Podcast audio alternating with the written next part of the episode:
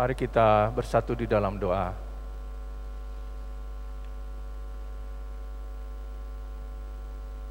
Bapa Surgawi kami datang kepadamu. Di dalam segala keberadaan kami pada saat ini. Kami hendak menyatakan syukur atas penyertaanmu yang telah nyata bagi kehidupan kami. Baik kami yang hari ini kami berada dalam keadaan yang baik dan sehat, ataupun kami yang hari ini berada dalam keadaan yang tidak baik dan berjuang untuk kembali pulih. Beradalah bersama-sama dengan kami ketika kami hendak merenungkan sabdamu yang kudus ini. Berbicaralah kepada kami, buatlah kami mengerti, dan mampukan kami untuk kami dapat melakukannya setiap hari. Demi Kristus, sabda yang hidup, kami berdoa. Amin. Ibu bapak dan saudara yang terkasih, pembacaan Alkitab kita diambil dari Keluaran 34 ayat 29 sampai dengan 35.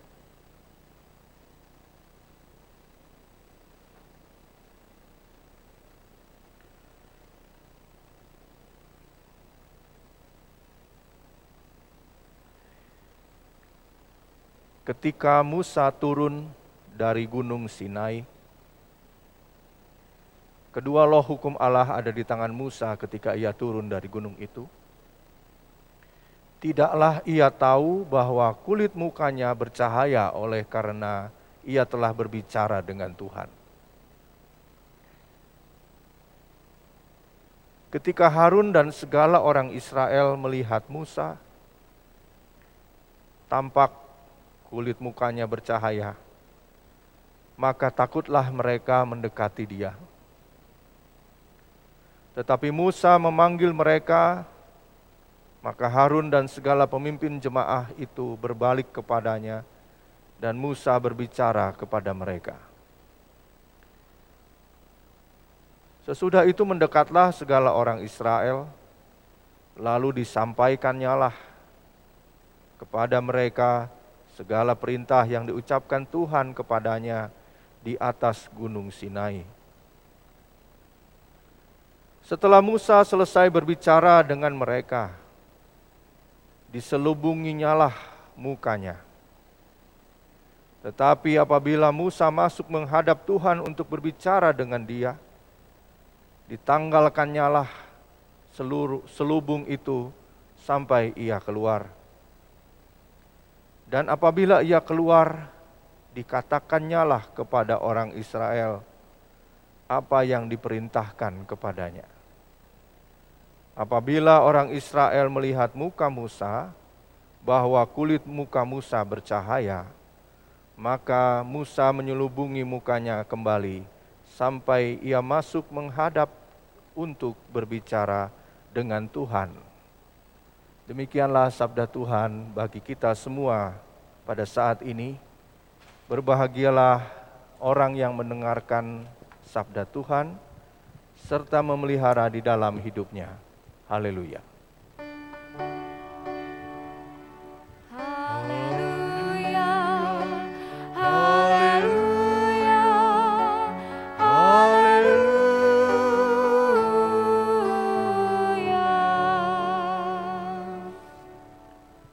Ibu bapak dan saudara-saudara yang dikasihi Tuhan, shalom untuk kita semua. Sebagai orang yang sering dan mungkin suka beribadah, pasti kita pernah mendengar ungkapan ini. Khotbahnya pas. Khotbahnya mantap khotbahnya keren.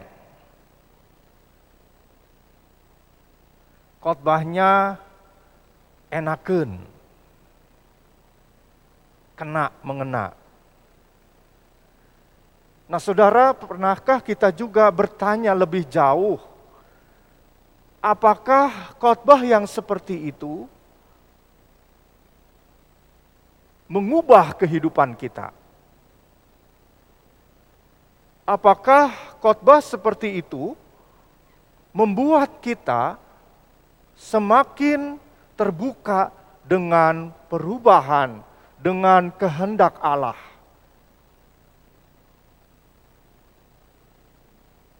Apakah khotbah seperti itu membuat kita semakin hidup sesuai dengan kehendaknya? Atau jangan-jangan Bapak Ibu dan saudara-saudara, khotbah yang seperti itu hanya menjadi sebuah pemuas kebutuhan, pemuas perasaan kita, pemuas visual kita. Kalau lihat khotbah yang keren, yang enakan, kita lalu merasa puas Bapak Ibu yang terkasih. Jangan-jangan seperti itu. Tanpa kita berpikir bagaimana kita bisa meneruskan apa yang disampaikan Allah melalui khotbah-khotbah. Yang keren, yang mantap,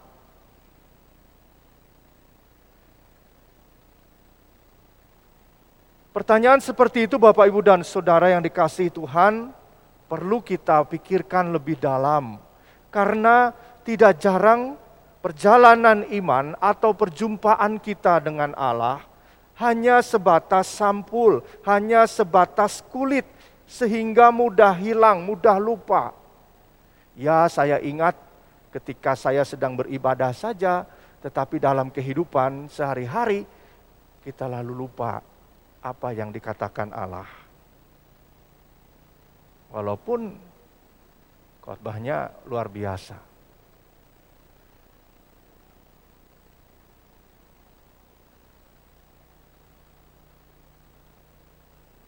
Musa menerima hukum Allah untuk kedua kalinya.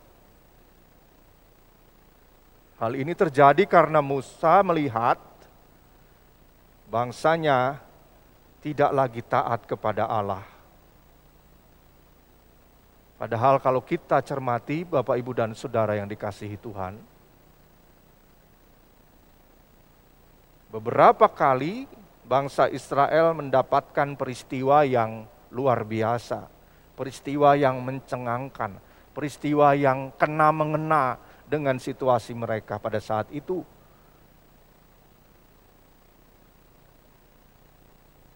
Bahkan kita juga bisa melihat bagaimana Allah masih memperkenankan karya cintanya kepada mereka yang disebut sebagai milik Allah. Namun Bapak Ibu dan Saudara, ternyata segala karya Allah dalam kehidupan mereka yang menyapa mereka sedemikian luar biasa itu tidak membuat perjalanan iman Israel menjadi lebih baik. Mereka tidak jarang menggerutu, marah, melawan, memberontak kepada Allah.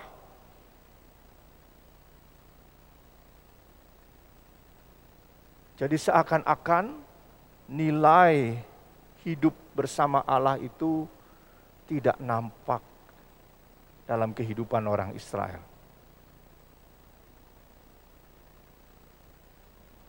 Yang menarik adalah dalam bacaan kita Bapak Ibu dan Saudara, Musa setelah menerima hukum Allah turun dengan kulit muka yang bercahaya sehingga bangsa Israel takut mendekati Musa. Bahkan mata mereka tidak mampu untuk melihat cahaya kemuliaan Allah. Dan Musa harus menyelubungi mukanya Bapak, Ibu, dan saudara yang dikasihi Tuhan, muka Musa yang bercahaya ini memang merupakan pancaran dari kemuliaan Tuhan yang hadir pada waktu itu, karena loh batu yang dibawanya. Tuhan menunjukkan kemuliaannya melalui Musa yang membawa firman Tuhan. Kemuliaan Tuhan kepada bangsa Israel yang tegar tengkuk. Bahwa firman Tuhan bukan hanya untuk dimengerti saja, tetapi untuk dilakukan dalam kehidupan mereka. Bukankah Bapak, Ibu, dan saudara yang dikasihi Tuhan, perjalanan iman bangsa Israel ini tidak jauh beda dengan perjalanan iman kita sebagai umat Tuhan pada saat ini. Meskipun kita sudah merasakan, mengalami banyak karya Tuhan dalam hidup kita, ternyata masih banyak juga yang tidak mengalami perubahan di dalam hidup. Perubahan yang dimaksud tentunya bukan perubahan dari segi penampilan saja. Selama pandemi, ada yang berubah, ada yang tadinya tidak bekerja jadi tambah tidak bekerja, tambah susah begitu ya yang tadinya bekerja jadi tidak bekerja, yang tadi usahanya memiliki omset yang begitu besar jadi kecil, itu perubahan, betul. Tetapi ada perubahan yang Tuhan ingin kita nyatakan.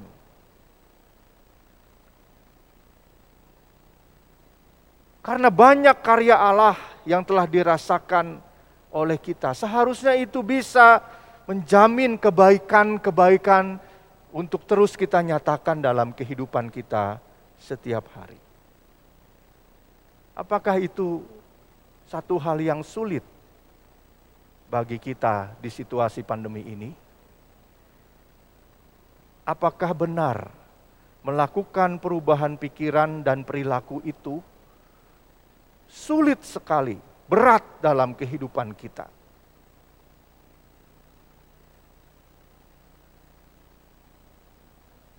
Musa memberikan contoh kepada kita semua. Musa merupakan teladan bagaimana dia terus-menerus berjuang mengalami perubahan pikiran dan perilaku untuk semakin hidup berkenan di hadapan Allah. Meskipun berulang kali bangsa Israel mengecewakan dia. Tapi Musa terus berjuang, terus berupaya untuk dapat mengalami perubahan itu. Perubahan itu dimulai dari dalam dirinya. Jadi kita tidak bisa menyuruh, meminta orang lain untuk berubah, tapi diri kita sendiri tidak melakukannya. Perubahan dimulai dari diri kita sendiri. Seperti halnya jika kita kaitkan kisah ini dengan kisah transfigurasi yang terjadi di dalam diri Yesus. Pada waktu itu murid-murid juga mengalami perubahan, kesediaan diri menerima apa yang dikehendaki Yesus yang kita ketahui bahwa kehendak Yesus tidak sama dengan kehendak para murid pada waktu itu. Secara sederhana saya mau mengatakan Bapak Ibu dan Saudara, di dalam ketidakmengertian kita akan situasi sekarang, di dalam segala kesusahan, tantangan, pergumulan yang kita alami, ada satu sikap yang harus kita nyatakan, yaitu kesediaan diri untuk kita taat mengikuti apa yang Tuhan perintahkan untuk kita lakukan.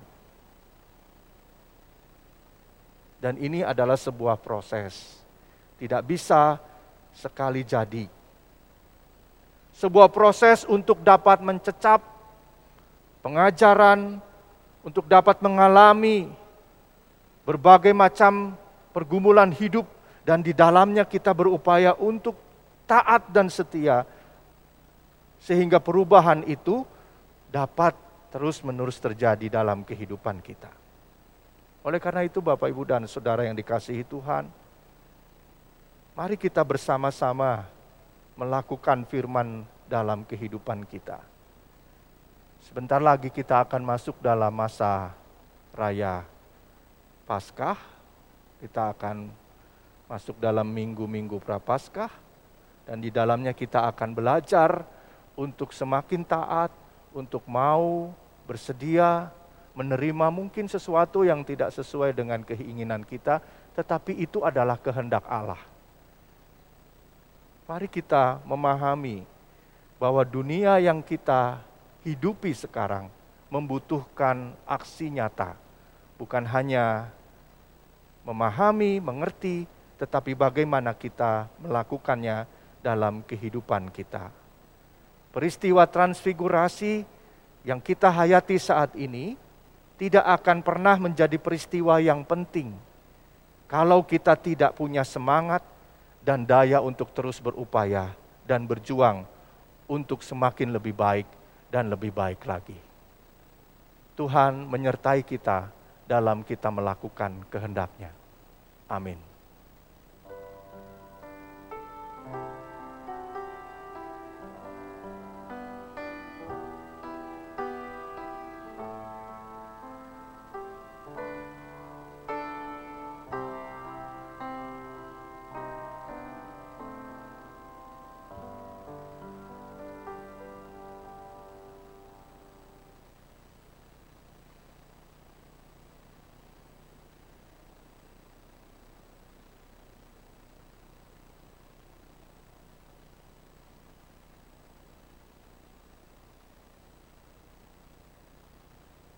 Kita menghayati persembahan pujian.